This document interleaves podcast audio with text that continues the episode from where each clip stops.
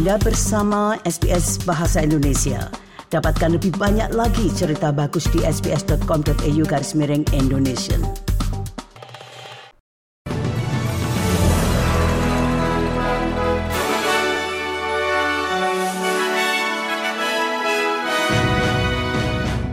Berita terkini SBS Audio Program Bahasa Indonesia untuk hari Jumat 28 Juli 2023. Perdana Menteri Anthony Albanese diperkirakan akan mengumumkan dan memperkenalkan kembali rencana Undang-Undang Dana Masa Depan Perumahan Australia yang berisiko secara politis kepada Dewan Perwakilan Rakyat minggu depan. Sebelumnya, dana masa depan itu sekitar 10 miliar dolar terhenti di Senat karena pihak koalisi dan pihak Partai Hijau menolak untuk mendukungnya. Jika undang-undang tersebut tidak lolos lagi di Senat, Perdana Menteri dapat meminta Gubernur Jenderal untuk membubarkan kedua majelis parlemen dan mengirim pemilih ke tempat pemungutan suara lebih awal. Para menteri senior Amerika Serikat telah mendarat di Australia untuk pembicaraan urusan luar negeri dan keamanan. Menteri Luar Negeri Anthony Blinken dan Menteri Pertahanan Lloyd Austin akan bertemu dengan Menteri Pertahanan Richard Miles dan Menteri Luar Negeri Penny Wong. Mereka akan membahas hubungan pertahanan dan keamanan, perubahan iklim, dan masalah ekonomi. Juga dalam agenda adalah teknologi baru, transisi energi bersih, dan peran mineral penting. They are uh, indispensable to the, the balance in the region, the strategic equilibrium, uh, how we make sure we get the region we want, peaceful, stable, and prosperous, where sovereignty is respected. The US is indispensable to that.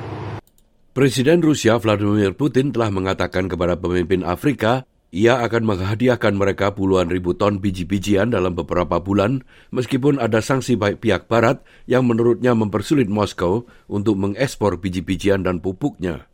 Berbicara pada pertemuan puncak di St. Petersburg yang ditujukan untuk hubungan Rusia-Afrika, Presiden Putin mengatakan Rusia siap menggantikan ekspor biji-bijian Ukraina ke Afrika, baik secara komersial maupun bantuan, dan menghormati apa yang dikatakannya sebagai peran penting Moskow dalam ketahanan pangan global.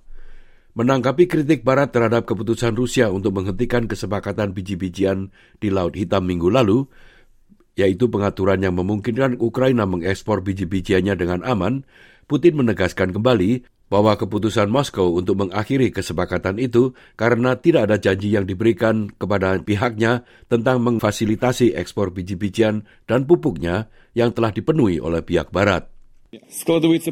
This is a paradoxical situation. On the one hand, Western countries are obstructing supplies of our grain and fertilizers, while on the other hand, I will say it plainly, they hypocritically blame us for the current crisis in the world food market. Sekretaris Jenderal Perserikatan Bangsa-Bangsa Antonio Guterres mengatakan era pemanasan global telah berakhir dan kini telah tiba era pendidikan global. Data baru dari Organisasi Meteorologi Dunia menunjukkan pada bulan Juli akan menjadi bulan terpanas yang pernah tercatat dalam sejarah manusia. Guterres mengatakan data menunjukkan pemanasan pasti disebabkan oleh aktivitas manusia. Ia meminta para pemimpin dunia untuk bekerja membatasi kenaikan suhu global. Leaders must lead. No more hesitancy. No more excuses.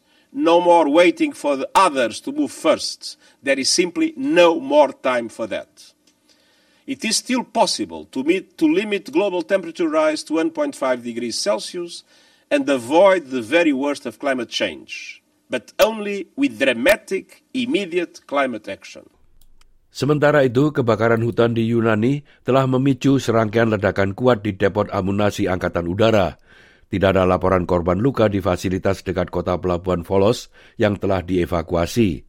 Kebakaran telah berkobar di beberapa bagian negara itu selama lebih dari dua minggu, menyebabkan sedikitnya lima orang tewas. Utusan Cina untuk Australia telah mengatakan kepada audiensi di Australia bahwa mereka tidak perlu takut dengan pembangunan militer negara adidayanya di Pasifik. Xiao Xian, duta besar Cina di Australia mengatakan modernisasi militer negaranya tidak akan menimbulkan ancaman bagi negara mana pun. Menteri Pertahanan Federal Richard Miles mengatakan pemerintah juga bertujuan untuk membangun kembali hubungan dengan Cina. We seek as a government to stabilise our relationship with China. We've made that clear, and there's been a whole lot of steps which have been taken to bring that about in terms of uh, instituting a, a, range of ministerial level meetings, a, a, leaders level meeting, putting in place the defence dialogue or re, re, putting that in place, um, getting trade going again. Sukai, berbagi, komentar. Ikuti SBS program Bahasa Indonesia di Facebook.